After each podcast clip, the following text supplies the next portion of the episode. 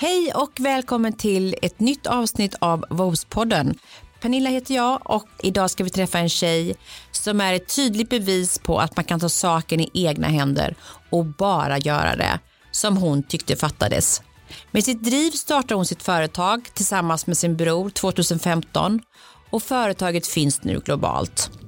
Bolaget designar, tillverkar och säljer klockor och smycken genom sin egen e-handel men har även 400 återförsäljare och shop-in-shops. Med sin driftighet och kreativitet skapar hon märket Mockberg. Jag pratar såklart om Elvira Eriksson.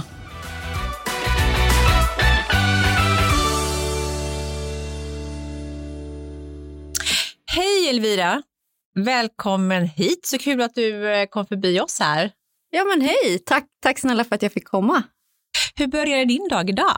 Eh, nej men väldigt bra faktiskt. Jag, eh, det var en ganska lugn morgon eftersom att jag inte hade någonting, eh, något möte eller så där som man brukar ha. Så att jag tog det ganska lugnt och ja, sen blev det ändå lite stressigt här för jag kom på att jag ville ta med lite smycken till dig och så där. Så jag fick Ja. springa tillbaka. Men jag, men jag kom i tid så det är Ja, jag men det väldigt glad över. Ja. Så att, och jag är en sån tidsoptimist med jämt. Jag sladdar in alltid så här prick i. ja, fast ja, jag hatar att komma sent. Det är liksom, det har alltid varit en sån grej att så här, man ska fan respektera andra Mm. människors tid. Helt rätt. Ja, men så är det. viktigt. Och jag måste ju bara berätta för lyssnare som, som lyssnar nu att jag fick ju sån himla fin present.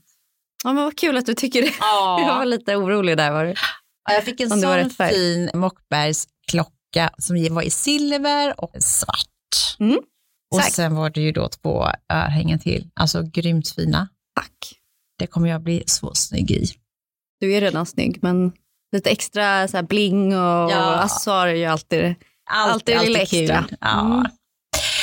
Du, jag, eh, alltså du har ju varit med om en sån resa egentligen. Eh, och då menar jag inte bara egentligen med Mm. Mockberg, utan lite grann eh, varför det blev som det blev Mm. och varför du startade Mockberg. Alltså här har vi tjejen som tog tag i saker med egna händer. Eller hur? Mm. Verkligen, om man får säga så. Ja, ja men så var det ju. Eh, men är det inte så att du har fått ditt driv lite ifrån eh, din barndom? Va?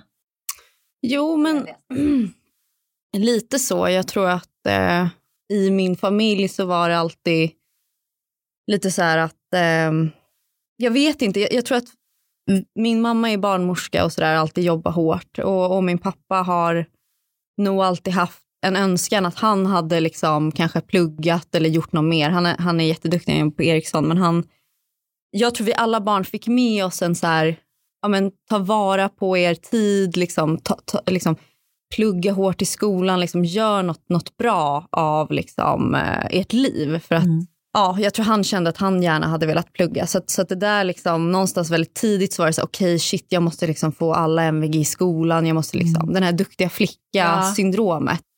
Tror jag väldigt tidigt, en liksom, Har du med dig? ja, Från, en, en prestationsångest liksom, Ja. på gott och ont. Hur, när det var jobbigt då, liksom, vad, hur kände du? Nej men det var ju väldigt, alltså extremt stor press på sig själv. Alltså jag mådde ju inte bra i eh, grundskolan var, var helt okej, men sen liksom när de här betygen som, som var så livsavgörande, som de faktiskt är, vilket är helt sjukt att det ska vara, det är Mm. gymnasiet liksom att du, att du behöver liksom, ja men eh, redan där ta beslut och betygen påverkar typ din framtid. Så att där var det liksom väldigt, väldigt jobbigt och jag hade liksom så här orimligt att jag skulle få högsta betyg i allting och så gick jag i en ganska så här högpresterande skola. Så det var hård press och sådär och det och det tog sig uttryck i att jag liksom, ja, men var deprimerad och jag liksom låg hemma mest och typ sov när jag inte pluggade och sådär. Mm. Så Och var det då under gymnasiet eller var det under? Under gymnasietiden. Ja. Mm. Mm. Så det var en så mörk period eh, tror jag i mitt liv som det gick ju bra, jag fick ju bra betyg men jag mådde ju liksom skit under de åren. Eh, Ja, fy. det är hemskt. Jag Alltså. tror att det är ganska vanligt.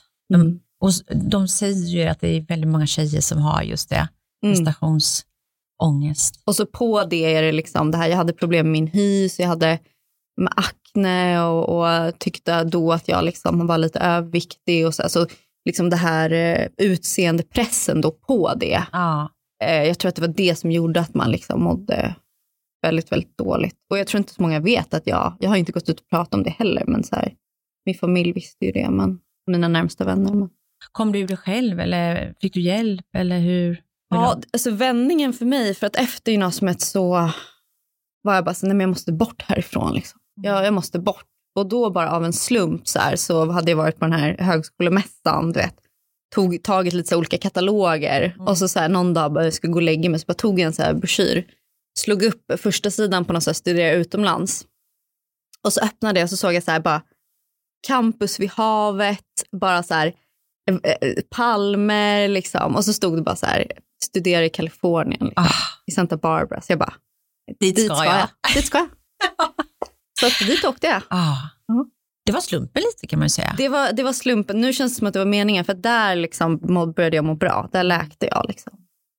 Bara kunde liksom landa och nya influenser. Ja, och vet du, framför allt något som faktiskt är underskattat som man borde prata mer om var att där började också det här hela en hälsoresa för mig med post, träning, vara i solen, liksom meditera, alltså du vet, yoga, allt det liksom började där och läkte väldigt mycket av liksom stress och så. Och det gjorde nog sen att jag orkade liksom, det som kom sen med mockbird, annars hade det nog inte gått. Liksom. Nej. Då hade jag kraschat. Du var redo rent mentalt och eh, vad ska man säga, fysiskt, alltså mm. mådde mycket bättre. Ja men exakt.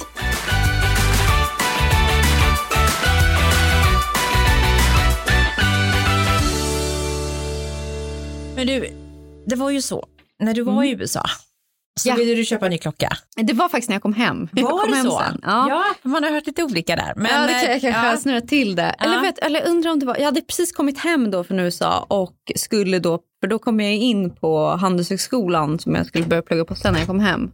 Så mellan den sommaren där så hade inte jag någon jobb. Då var det så här, men fan jag kanske ska, du vet, ändå handelshögskola, måste man liksom se lite proffsig ut. Jag måste ja. köpa en klocka. Liksom. Ja. Så börjar man liksom kolla på branschen, så bara, men vänta här nu. Liksom. Och det här var ändå ja, men där 2014 typ. Bara, har klockan stått still? Du vet. Det var bara så här typiskt stereotypiskt, liksom. rosa urtavlor, stora diamanter. Bilderna, alltså imagebilderna där på klockmärken, det var liksom så här, ja, men det var så tacky och det var bara så här, vart är svenskt mode? Vi som är så duktiga på det här, varför har vi glömt bort den här branschen? Liksom? Ja, för det är en mogen bransch ja. egentligen. Så den borde ju vara lite mer framkant då. Ja, alltså jag tänkte så varför har inte Acne, Flippa K, varför har inte någon liksom tagit tag i det här och gjort liksom riktigt snygga klockor till tjejer? Där liksom fick jag den här idén om att så fan, man borde liksom göra någonting. Snygga klockor till tjejer. Liksom. Ja, på den vägen, där började det. Det började, för ja. då vet jag att då, då tog du fram så här Ja, men kanske skulle skissa själv på en ja, klocka. Precis. Och tog fram ett antal prototyper. Nu efterhand så är det väl så här jävligt naivt och liksom, men det ska man ju vara glad för att man, att man startar när man är ung, för då vågar man ja, men jag kontaktar lite olika producenter liksom, och skriver någon mejl på halvkackig liksom, engelska och skickar mina liksom, handgjorda ritningar. Men det gick. Med envishet också och ja. ett driv. Ja, och jag kommer ihåg nej, men att när jag, bara, jag skulle betala liksom, den första prototypen, man bara, fan gör jag det? Liksom? Det var ingen som visste det. Jag tror jag gick till liksom, SCB-kontoret med någon så här eh, utländsk faktura och bara, hur betalar jag den här? Kan ni ta pengar? ja, så här, man har ingen aning. Nej. Men det är ju bara att fråga sig fram ju. Ja, ja men precis. Det vet ju du också nu som har startat eget hur det är. Man bara liksom, ja, ja, ja. trial and error. Ja, men så är det ju. Det finns ju ingen manual. Nej. Alltså det är väl det som jag tror att eh, när man pratar med tjejer eller killar som vill starta och de försöker liksom, och då brukar jag säga men vet du det finns ingen rätt och fel manual och det är ingen som kommer tala om för dig att så här ska du göra utan så här, vi bara kastar det ut. Och precis som du säger, liksom, fråga dig fram. Be om hjälp. Liksom. Och så att man, man måste vara lite orädd. Ja, och ah. jag tänker alltid så här, kan jag kommer hamna i fängelse om jag gör det här? Nej, Nej men då är det lugnt. Ah. Jag, jag ska inte göra o, några olagligheter, liksom. men annars, men vad, är, vad är problemet? Liksom? Precis. Nej, men det är ja, en väldigt rolig historia. Men när du väl valde ut din prototyp så gick ju du med den på, hand, på armen. Och de i din närhet började ju, oj, vad har, vad har Elvira på armen? Hur, hur liksom, vad hände sen? Men det var ju så, för att jag hade ju liksom inga pengar. Jag hade ju inte jobbat på hela sommaren där. Jag fick ingen jobb, jag sökte jobb, fick ingenting. Och hade ju fått tillbaka typ 10 000 kronor på skatten eller någonting. Och alla de pengarna la jag på prototyper. Och så hade jag liksom en klocka jag hade på mig i skolan. Och då var ju mina klasskompisar så jävla gulliga nu efterhand. Men de ville ju köpa de där andra nio eller vad det var. Ja. Så att jag fick ju tillbaka, jag tror jag sålde dem för typ tusen spänn styck. Fick tillbaka 9000. Ja. Ja, men kan jag beställa fler? Så att så Helt där rätt. liksom småskaligt började det. Det är helt sjukt. Ja. Att det liksom började med det och sen så liksom bara blev det mer och mer och mer. Och så öppnade jag min hemsida där, första hemsidan. Och så gick jag liksom till posten, jag kommer ihåg där, eh, där jag bodde på så här campus Norrtälje, så hade jag med mig så stora kassar liksom till ICA. Och så var det liksom sura miner bakom, liksom, man stod där. Och... Så när mina klasskompisar hade så fester och så, då satt jag och jobbade med hemsidan och tog bilder. Och liksom. Ja, det är en del, nu, nu känns det väldigt liksom avlägset, men eh, det var så det började.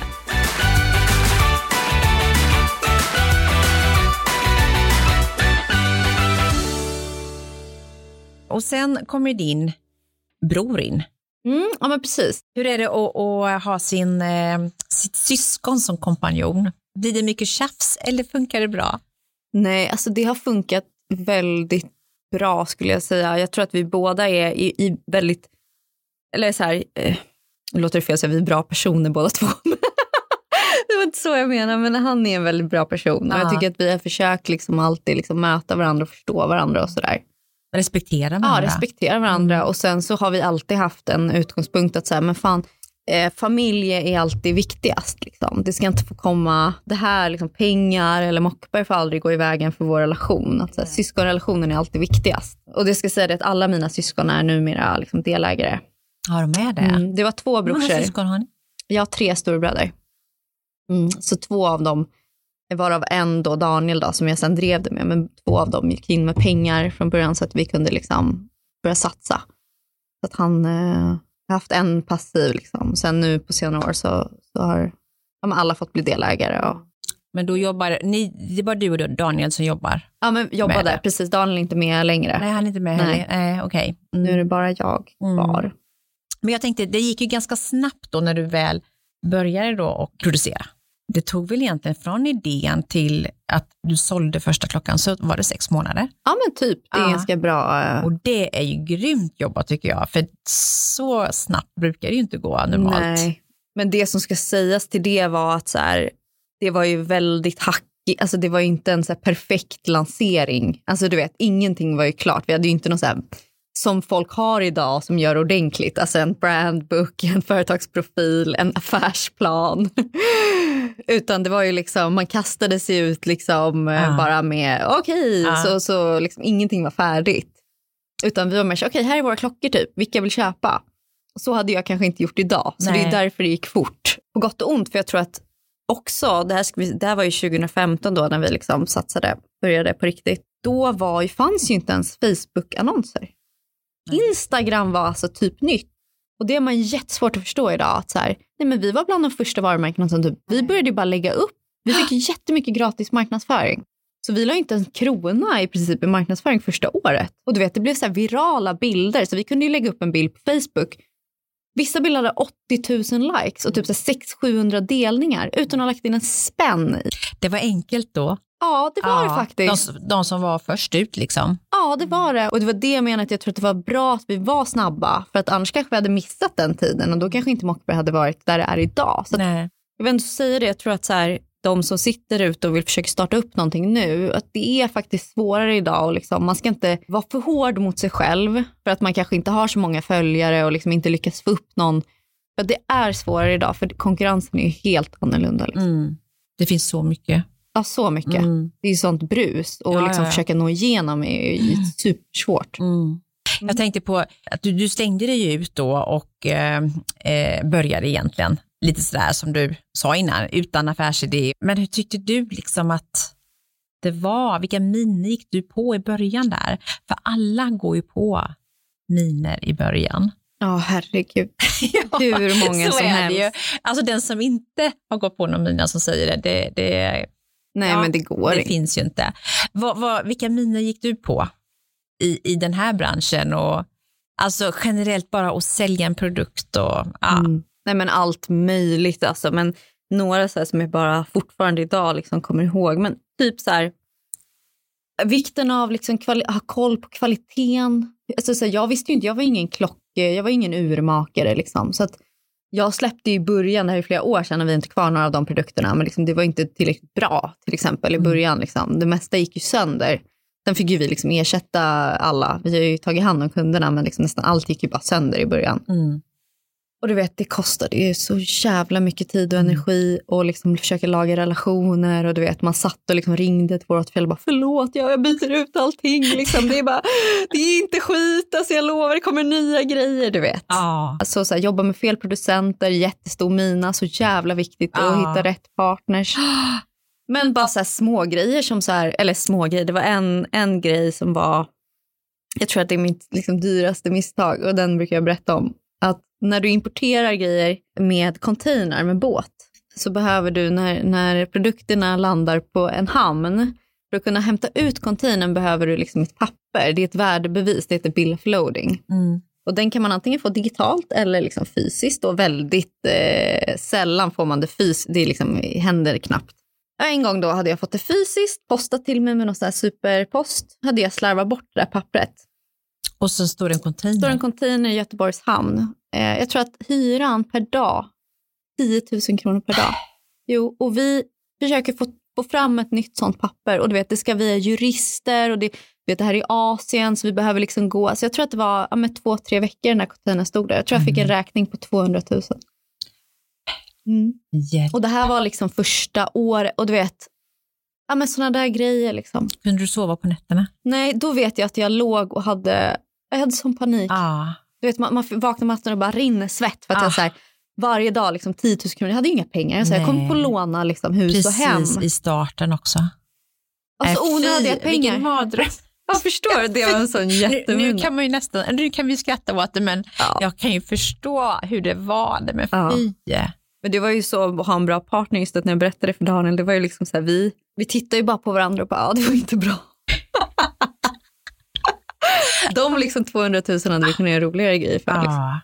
Men alltså idag kan det inte vara en sån, eh, mm. vad ska man säga, ett sånt arbetssätt va? Hur funkar det idag? Eh, du kan få den eh, fysiskt också fortfarande, men det skickas ju med en sån superpost och du vet, det är liksom mm. som, som att du skickar ett pass, så det är en värdehandling. Ja.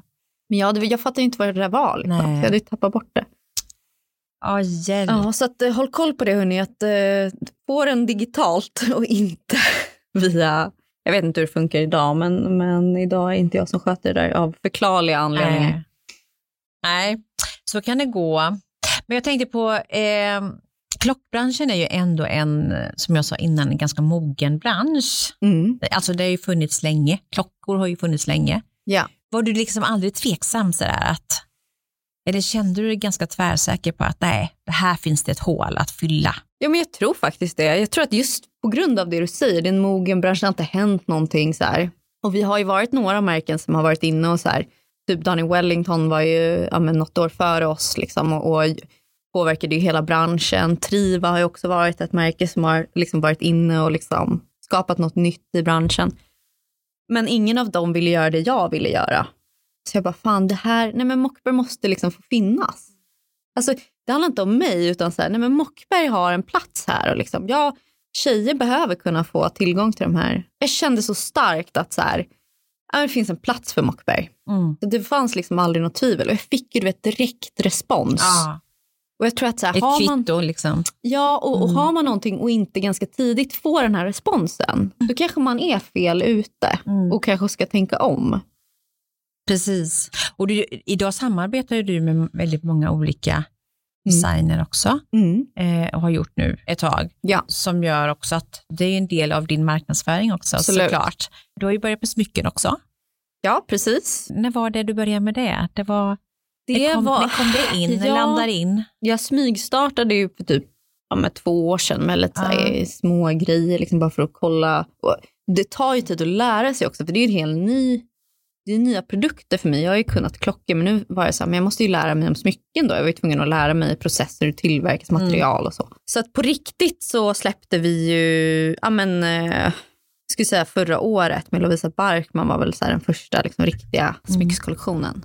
Och sen nu släppte vi vår första egna riktiga kollektion eh, här bara för någon månad sedan. Mm.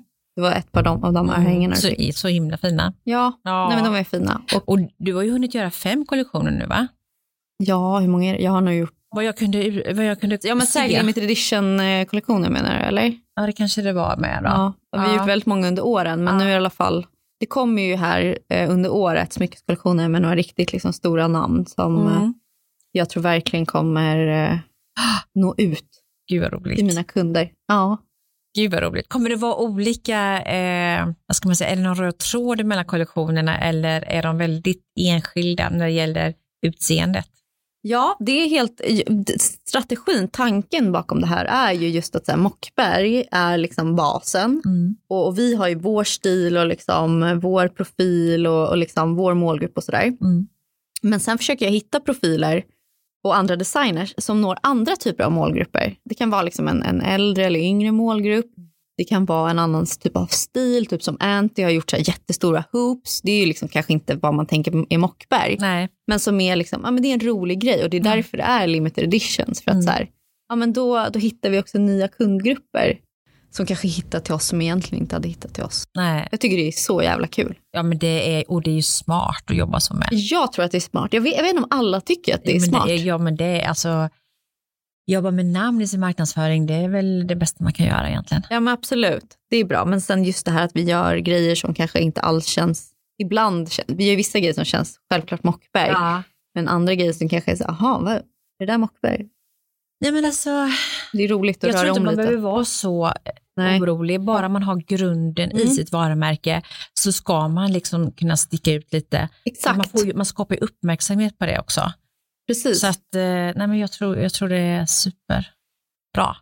Ja, det är glad att du säger det. Ja, det är precis så jag tänker också. Så länge liksom grunden är tydlig, Mm. då kan man göra sådana avstickare. Mm. Det blir roligt. Det ska bli så kul att se. Ja, Kan du säga ungefär när första kommer? I augusti. I augusti. Mm. Sen följer ett löpband av härliga eh, nya släpp. Ah, fram till Nej, men de är ju långsiktiga, så det är ju Ja, det nästa blir år någon gång. nästa ja. år.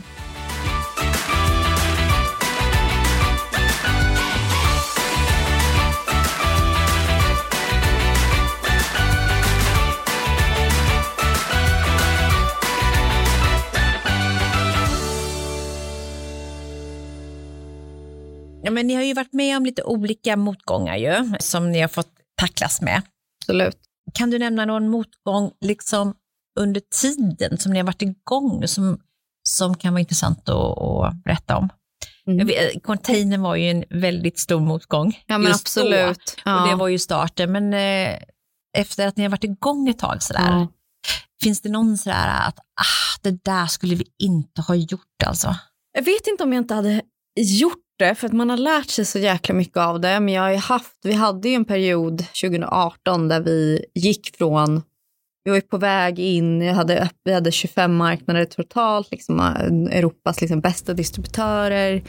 Eh, vi, skulle, vi gick mot omsätta så här, 30 miljoner det året.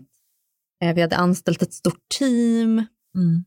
Eh, och liksom allt bara flöt på. Och sen var det som från en dag till en annan. Jag vet inte om du följde när Isabella Löwengrip när hon fick kris, hade en så krisperiod. Mm. Jag upplevde typ samma sak Mm. under samma tid. Mm. För att då var det som att någonting hände i branschen, men, eller jag vet vad som hände, men så här, vi behöver inte gå in på det här, men det hände en grej som gjorde att mina distributörer inte kunde ha kvar sina nya varumärken. Och vi var ju ett av dem. Så jag förlorade ju, vi förlorade ju nästan alla våra internationella distributörer inom loppet av en sommar.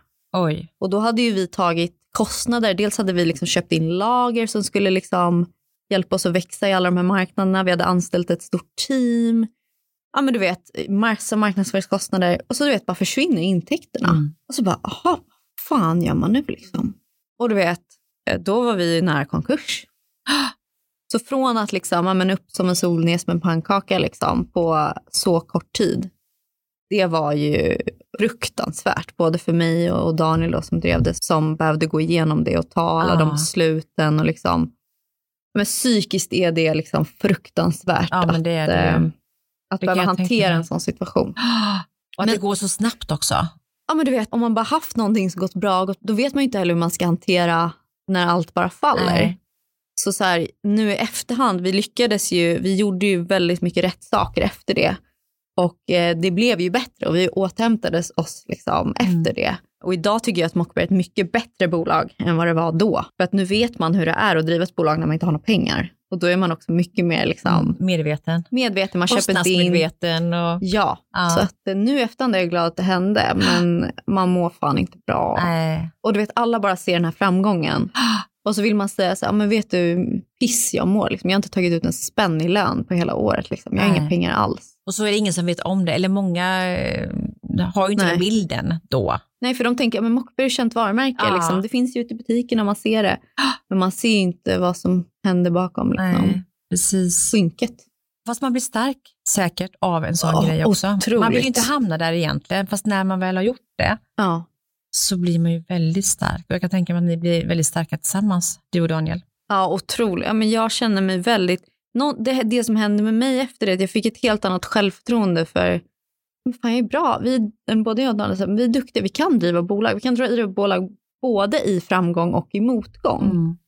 För att det är fan skillnad. Det är, liksom, det är mycket, mycket, mycket lättare att driva företag när det går bra. Liksom. Mm. Det är inte svårt, det är bara roligt. Ja, ja. Men att driva företag när, man, när det går dåligt, det är det svåraste man kan göra. Mm. Det är det absolut svåraste man kan göra. Mm. För det, och det, det är inte bara att det blir mindre pengar på kontot, utan det blir ju liksom, man känner ju av det Mm. hela tiden, även när man går ifrån jobbet. Alltså det, finns Ja. ju, det ligger ju där och skaver hela tiden. Men för mig Säkert. var ångesten just att vi hade en del, ganska många anställda då, att så här, du ska ju ut, ut med lön. Liksom. Mm. Du är ansvarig för folks liv eller folks inkomst. Och du vet att svika ett, team och du Mm. vet. Det, och jag Det var är ju så tufft. ung, alltså jag var ju bara 25 Ah. eller något sånt där. Liksom. Daniel var inte så gammal heller, liksom, under 30.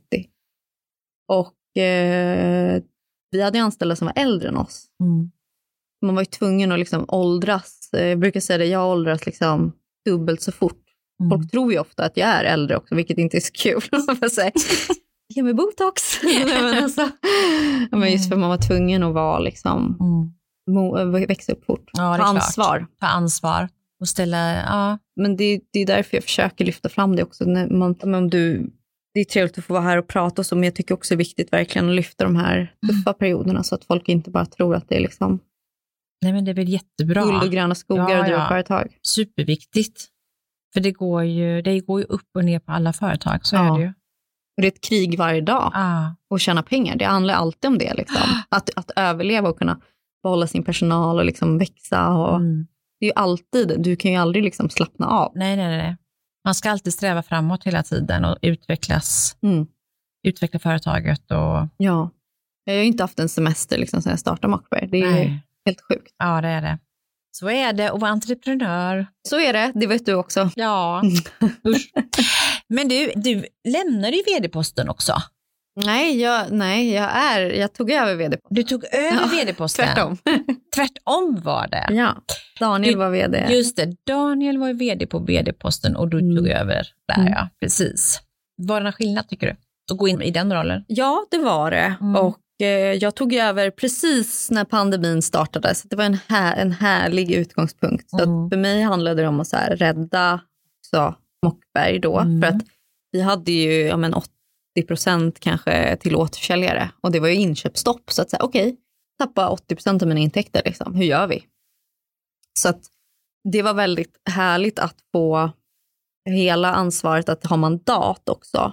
Att säga, okej, nu är det så här vi ska göra liksom, med mitt team och så här, få, få verkligen det mandatet, det ansvaret. Och, och, det, och det, gick, det har gått väldigt bra, så jag är Det väldigt har stolt. Vad Ja, skönt. tycker vi har ju tagit helt rätt beslut Ja. eh, under året. Och ställt om och liksom, Mm. eh, vi har förbättrat så mycket.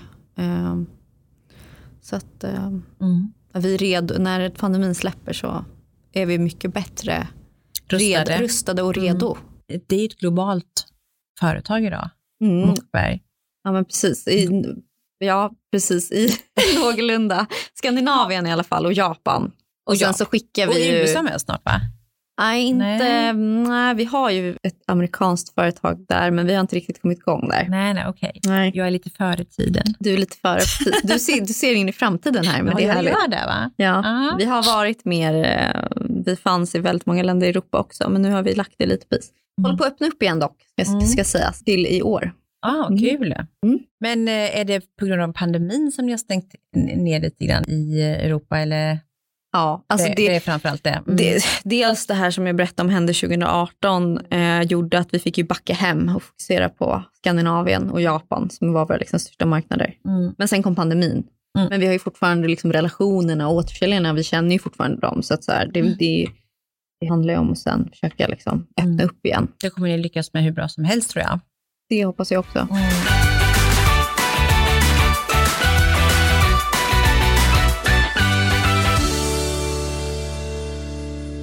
I höstas så vann ni ju och blev guldvinnare för årets unga grundare. Ja, precis. Stort grattis till det. Tack så här i efterskott. Ja, tack. Varför tror du att ni vann det priset? Ehm, det är inte så lätt att skapa ett varumärke som är så pass allmänt känt ändå som Mockberg är. Och inte bara i Sverige, utan Mockberg är ju faktiskt känt i liksom Norge och ja, men, väldigt stort i Norge. Det är kanske större i Norge än vad det är i Sverige.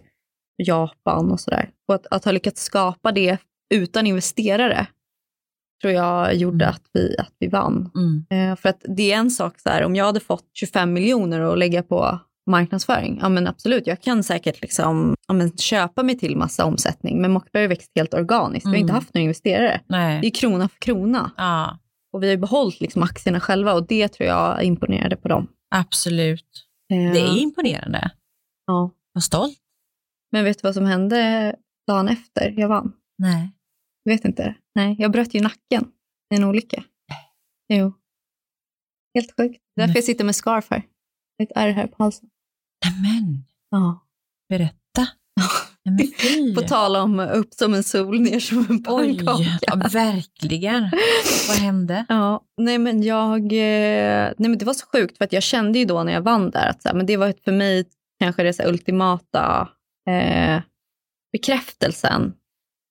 Att så här, ja, men fan jag har ändå gjort, jag har liksom lyckats. Jag vet att jag kände så här, fan nu, men nu har jag liksom nått dit jag vill. Eller så här, fan, I Mm. was on top of the world liksom. Ja.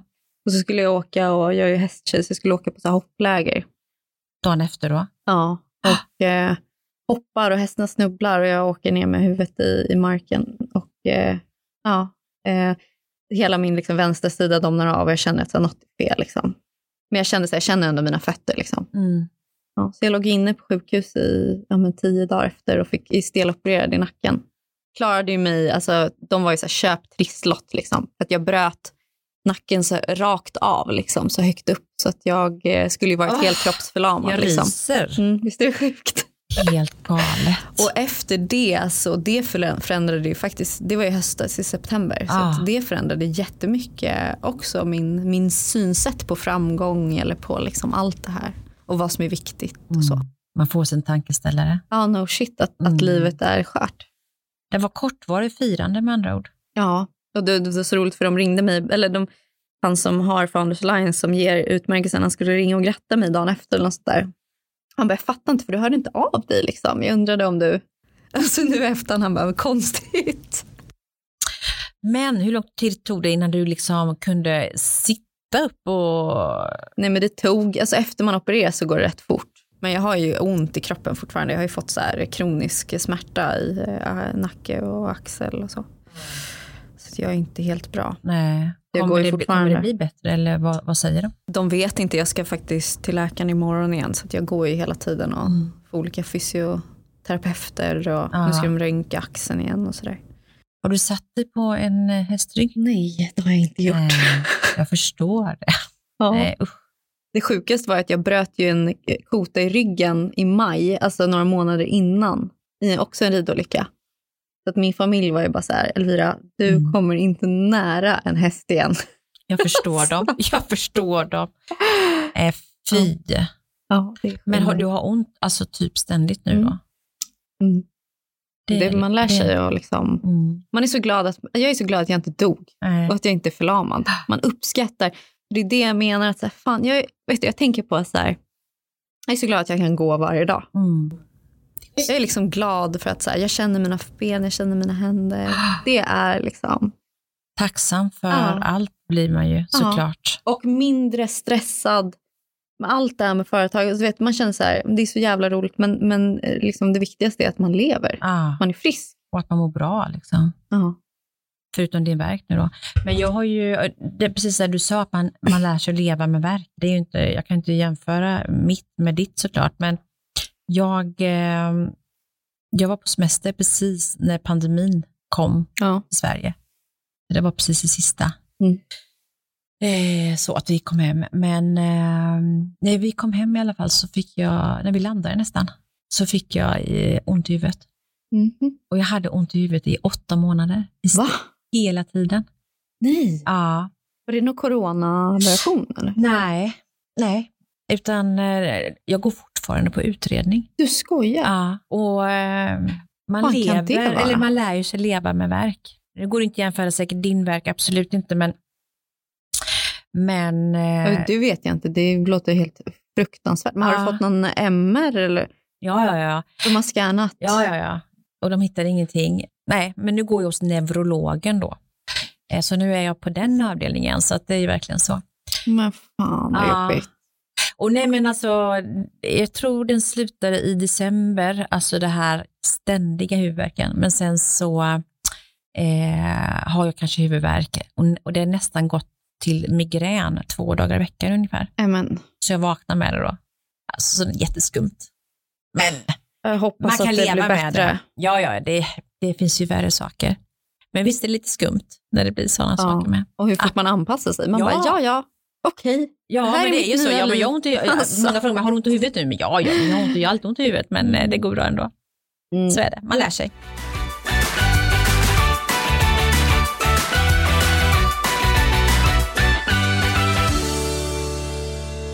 Elvira, privat då, förutom att du är en ridtjej. Mm. Var ridtjej. Vem, ja, precis. Berätta gärna lite grann. Vem jag är? Vem eller? du är, alltså privat, ja, vad du gör när du är ledig. Mm. När du får en stund över. Jag är ju väldigt mycket en djurmänniska.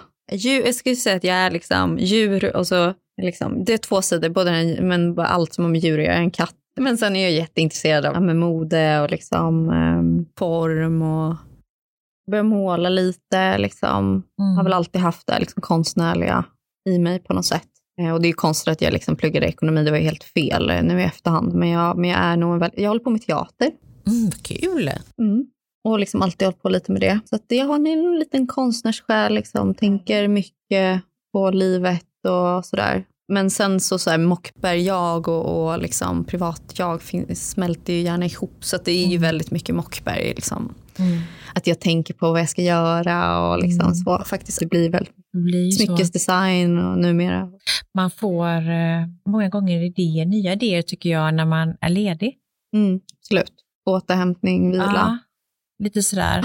Jag håller ju på mycket med, det har ju växt på mig just efter olyckan också. Det här med så här, ja men dels med mat, alltså ännu mer så här, äta bra, ta hand om sig, liksom, djupandas. Och det märker jag också att många så här, väldigt liksom, framgångsrika människor jag träffar, det är väldigt sällan de inte också faktiskt är intresserade. Och det har fått mig att förstå hur liksom, nära samband det är mellan liksom, att må bra i både psyket och kroppen för att kunna liksom prestera och precis som du säger, för att ha de här bra idéerna, kunna vara kreativ. Det är så jävla viktigt Mm. alltså, att ta hand om sig själv. Mm. Det gör sån, och också så här, hur du är som ledare. Mm. Här, om, om du inte mår bra, om du inte är liksom, om du går runt och är stressad och så här, ah, liksom, eh, Jagar hela tiden. jag, uppjagad, så här, fight or flight, då är man ingen bra ledare heller. Jag försöker jobb, verkligen jobba med mig själv för att kunna vara en bra ledare.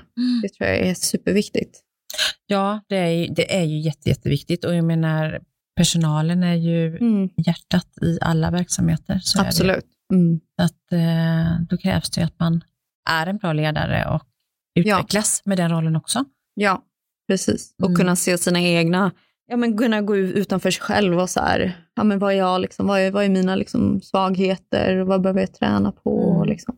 Försöker vara öppen för liksom kritik och Mm. sådana grejer som jag tidigare var ganska dålig på att ta. Så att det har ju Mm. varit en process att så här, lära sig. Och, Vad tycker du Bli en bättre person. Ja, vad känner du är mest eller viktigt för dig att, att träna på som, som ledare och bli bättre på?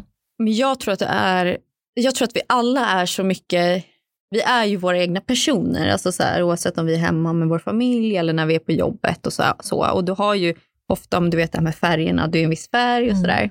Och problemet för mig har väl varit att jag är, jag måste träna på att kunna anpassa mig mer. Att så här, det kanske inte funkar, för jag är ju en så här, med konstnärssjäl och du vet, jag kan vara lite så här, så.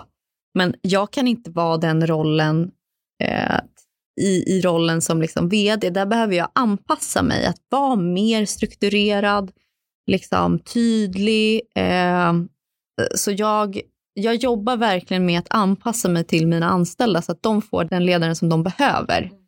Jag kan inte liksom bara vara en virrvarr, det kan jag vara sen när jag är i rollen som designer, men liksom för dem måste jag anpassa mig. Så att de känner sig trygga och så att de får det de behöver av mig. Och det där har jag varit dålig på tror jag, men blir bättre och bättre. Eh, har jag fått höra i alla fall, men sen vet man ju inte vad de säger sen. men jag tror det. Men jag tror att det är en viktig egenskap att, om att anpassa sig. Ja, och jag tror att eh, personal, alltså den enskilda individen, alltså behöver ju få den uppmärksamheten och den styrningen som den behöver. Ja. Och nästa person behöver något annat. Ja men precis, jag tror jag för, för, och det här tror jag är, sammanfattningsvis att så här, du kan inte förvänta dig att dina anställda ska anpassa dig efter dig. Nej. Du kan inte bara köra på, utan man får säga, okej, vem vilken person har jag tagit in här nu? Vad är det för typ av person? Hur kan jag lyfta den? Hur behöver jag anpassa mig för att lyfta den personen? Mm. Helt rätt. Jag, jag tror faktiskt det. Jag tror Mm. inte man kan liksom bara förvänta sig att, att en person ska komma in och så anpassa sig efter hur man själv är, bara för att man är liksom den som har grundat det. Nej, nej, nej. Funkar inte så. nej. Nej, Man har ju själv ett ansvar för att få teamet liksom, att Mm. Funka och växa. så är det ju.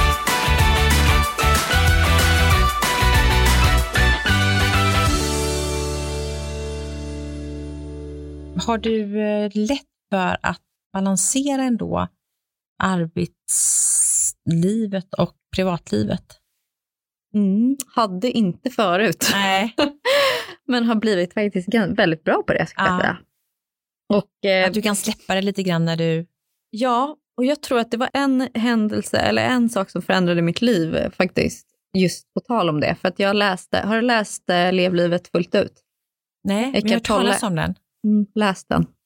Den är alltså helt, jag pratade om den förut men man fan säger det igen för den är så bra. Men innan jag läste den, Ja.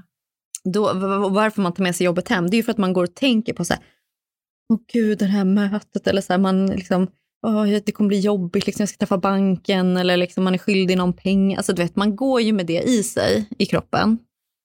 Och tidigare i alla fall, det skapar en jävla stress och det gör ju att du går in och kollar mejlen och så.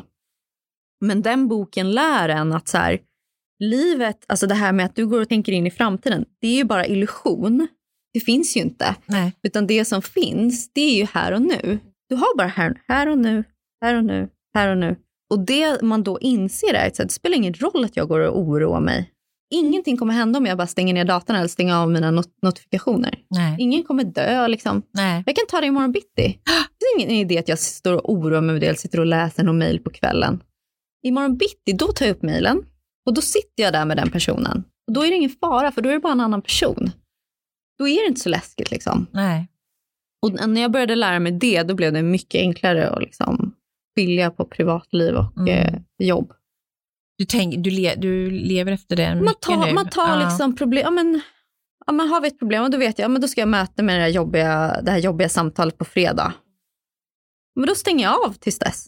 Så när jag sitter där på fredag, ja, men det visst det kanske är lite jobbigt, men det är ju bara en person. Och så här, den personen vet ju att så här, men, vi vill ju båda lösa det här. Istället då för att gå från måndag till fredag och ha oro ont i magen och liksom sitta på kvällarna och liksom ha ångest över det här och läsa massa grejer. Det hjälper ju inte. Nej, det gör ju inte det. gör ju inte det. Så att eh, har blivit, eh, den boken har hjälpt så mycket Ja, att skilja ska jag på läsa. privat och jobb. Nej, men jag, jag kan väl känna så här att jag går ju gärna in ful ovana och bara kollar igenom lite mejl eh, en lördag eftermiddag. Alltså det är ful ovana. Om jag Men får, varför om gör du det får, då? så- Om jag får en stund över.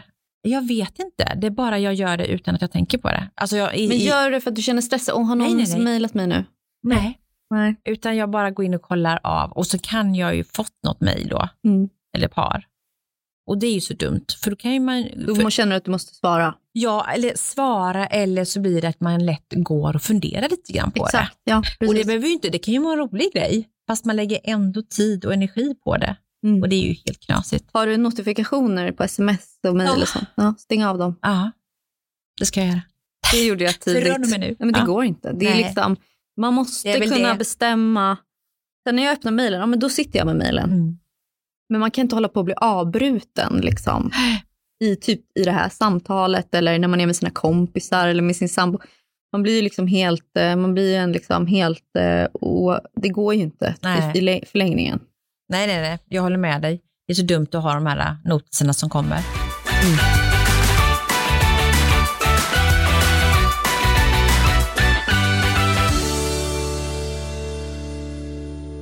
Yes, men du, slutligen lite grann då. Mm. Vad är visionen nu med Mockberg framöver? Mm. Vi vill ju bli det liksom självklara valet för kvinnor när det, vad, vad det gäller smycken och klockor. Eh, Och då har vi satt i Europa som vår, vårt mål. Mm. Det är ju en väg dit såklart, men jag tror att vi har liksom goda chanser att lyckas. Mm. Jag tror att vi, eh, för de som har, liksom, har våra produkter och sådär, dels har vi en väldigt, liksom, de som använder Mockberg, de blir väldigt trogna kunder, så de, vi har ganska hög liksom, return rate och vi har väldigt bra kvalitet på våra Mm. produkter. Så vi har hittat liksom, design och kvalitet, en bra, en bra kombination. Är det mot e-handel eller är det även mot fysiska butiker ute i ehm, Europa? Det beror lite på hur, hur världen utvecklar sig. Jag vet inte vad riktigt vad som kommer hända med retail faktiskt. Vi får se. Jag är öppen för båda. Jag, jag tror på, re, på bra retail eh, i framtiden, liksom. men då måste det vara det måste finnas ett syfte. Alltså det måste finnas, liksom, är det, går man dit för service, upplevelse? Jag tror inte på retail, du vet, när man bara går in. Det kommer, tror jag kommer försvinna. Mm. Det beror på vilken typ av retail som, som kommer nu Mm. då vill vi ju finnas där. Men jag tror att visionen är ju någonstans att nå kunderna. Om det är retail eller, eller e-handel spelar inte så stor roll. Nej. Nej, vi får se vad som händer Det får vi efter att ehm, den här pandemin börjar fida ut. Mm. Jag hoppas att det är snart. Ja, det får vi verkligen hoppas. Först kommer det bli lite sommar i alla fall. Ja, En det härlig hoppas jag. En härlig sommar får vi hoppas. Vad ska du göra i sommar då? Eh, nej, men jag har inga planer. Jag tänkte kanske, jag och tjejkompisarna funderar på att vandra i fjällen. Mm. Aldrig gjort det. Det har det blivit så populärt alltså. Så trendigt att Ja. börja vandra. Det är många som vandrar nu. Eller hur? Har du Ja. gjort det? Ja, alltså vi började väl lite förra sommaren, men inte sådär äh, på allvar så. Men äh, ja, det blir ju mer och mer att man går ut liksom i naturen. Och framförallt nu under de här, den här tiden som har varit så har man ju varit ute mycket, mycket mer. Ja. Ja, I, Man kan ju äh, inte resa. Så att... Nej, precis. Så det blir så. Jag har faktiskt börjat spela golf. Nej, men. Vad kul. Jag vet inte. Eller? Nej, Alltså, är det så är ju tålamod och tålamod hela tiden. Och jag är ju inte riktigt den personen så som... Men jag kämpar på, Ja. så får vi se vad som händer. Ja. Jag får berätta nästa gång vi ses, det, Elvira. det får du göra. Och jag kanske får hänga på. Jag är lite Ja. sugen på att testa. Ja, jättegärna. Verkligen. Nej men du, eh, tack för att du kom. Tack för att jag fick komma. Och så passar jag på att önska dig en riktigt skön sommar här nu då. Ja, men detsamma. Ja. Du får också ha det jätteskönt och härligt. Det ska jag ha. Ha det så gott. Ja, Ja. hej då. Hej då!